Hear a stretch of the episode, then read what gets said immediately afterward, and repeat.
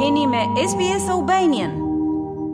Kosova sot është e tërë në festë. Qytetarët po shënojnë 15 vjetorin e pavarësisë. Pati dhe po vazhdon të ketë shumë zhvillime festive e që nisën me seancën solemne të Kuvendit të Kosovës, e cila nisi me intonimin e himnit të vendit. Presidentja Vjosa Osmani tha se në këtë ditë Kujtojmë sakrificën e pashembullt të brezave tanë që dhanë jetën për liri e pavarësi, ndërsa tha se institucionet tona po forcohen dita ditës. Në këto pesëmbëdhjetë vjet Kosova është zhvilluar e forcuar si shtet i ri. Ajo ka dëshmuar kulturë demokratike në organizimin e jetës politike dhe funksionimin e institucioneve. I ka ndërtuar e zhvilluar kapacitetet e saj shtetërore dhe ka krijuar bazë solide për funksionim të mëtejshëm. Fjalë rasti mbajti dhe presidenti i Shqipërisë, Bajram Begaj, i cili tha se Shqipëria gjithmonë do të jetë përkrah Kosovës. Shqipëria është mbështetëse aktive e integrimit euroatlantik të Republikës së Kosovës, pikësëpari e finalizimit të heqjes së vizave për qytetarët e Republikës së Kosovës. Kam pritur me entuziazëm lajmin e aplikimit të Republikës së Kosovës për procesin e anëtarësimit në Bashkimin Evropian. Përfitoj nga kjo mundësi për t'ju uruar sukses e hapa sa më të shpejtë në këtë rrugëtim. Shqipëria është pranë jush edhe për pranimin e Republikës së Kosovës në NATO.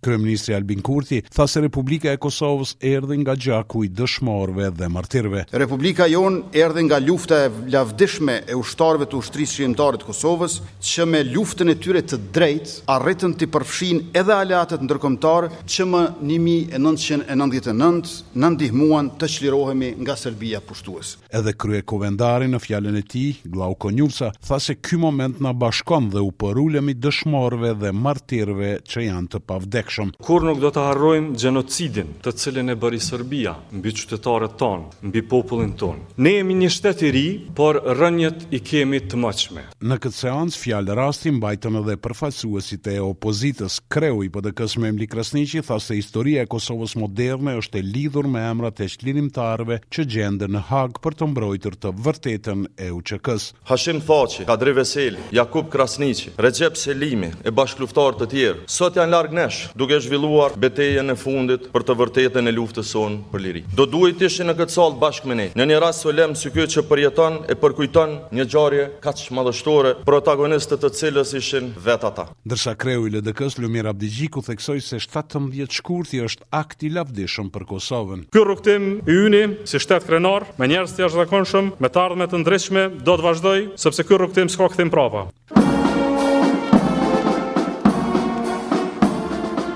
Kuadratet e Forcës së Sigurisë së Kosovës dhe policisë kanë parakaluar nëpër sheshet kryesore të Prishtinës me rastin e 15 vjetorit të pavarësisë së Kosovës. Mijëra qytetarë kanë ndjekur nga afër këtë paradë ushtarake dhe policore. Presidentja Vjosa Osmani, që njëherësh është edhe komandante supreme e FSK-së, në fjalën e saj, tha se ushtarët dhe policët janë pasardhës të UÇK-së derisa theksoi se tashmë ato janë të gatshme për të ruajtur çdo cep të territorit të Kosovës. Sikurse ushtria jonë që dëshmohet e na bën krenarë çdo herë, edhe Policia e Kosovës e cila së fundi u përball me angazhim të shtuar nga zhvillimet në veri të vendit, ka treguar përkushtim e vendosmëri për ta ruajtur rendin dhe ligjin, por mbi të gjitha, për ta ruajtur sovranitetin në çdo cep të Republikës së Kosovës.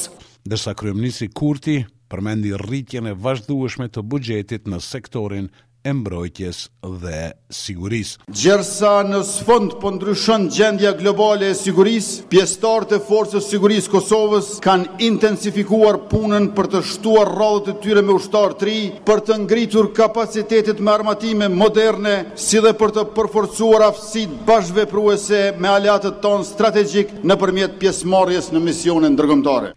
Festa po vazhdon shesheve e qyteteve të Kosovës me performanca të ndryshme muzikore dhe artistike. Kuvendi i Kosovës pati edhe një seancë tjetër të hënën ku u debatua për zhvillimet në kuadër të dialogut ndërmjet Kosovës dhe Serbisë. Kjo seancë u mbajt pas mocionit të paraqitur nga deputetët e PDK-së. Seanca u karakterizua me kritika në adresë të kryeministrit Kurti nga opozita. Kryetari i PDK-së Memli Krasniqi kërkoi nga kryeministri Kurti që të tregojë se cili është qëllimi i propozimit franko-gjerman për dialogun dhe çfarë mundësish ka ky plan? Kryeministri Kurti tha se propozimin franko-gjerman e ka analizuar me shumë kujdes në herën e parë dhe i cili në janar të këtij viti ka ardhur me ndryshime në dy pika ultimative. Me datë njëzet janar dy mijë e njëzet e tre, emisarët që shoqëruan lehtësuesin Lajçak dhanë disa qëndrime në këtë takim të dytë dhe të fundit. Ata ma bënë të qartë që propozimi kryesor këtë herë është,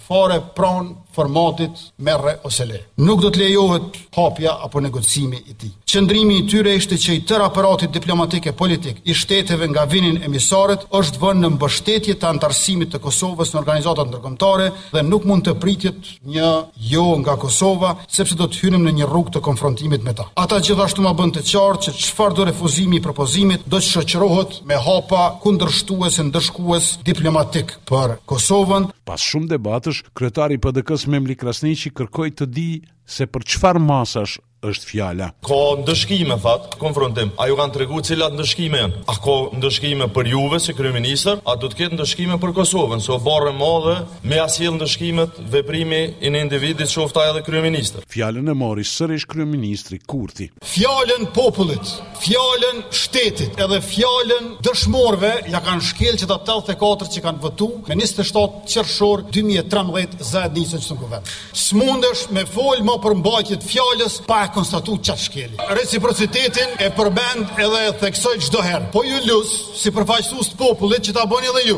Ju e dini a e bëni. Gjatë seancës, kryetari i LDK-së Lumir Abdixhiku tha se mungesa e raportimeve për dialogun në Kuvend është refuzim i institucionit më të lartë të vendit e siç tha ai, si pjesë e një arrogance e papërgjegjësie e qeverisë. Pro. planit franko-gjerman, u shpreh kryetari i AAK-së Ramush Haradinaj, sipas të cilit Kosova e ka konfirmimin direkt nga Shtetet e Bashkuara të Amerikës se plani franko-gjerman e përfshin përkrahjen amerikane për partneritet për paqë dhe rrugën e Kosovës drejt NATO-s.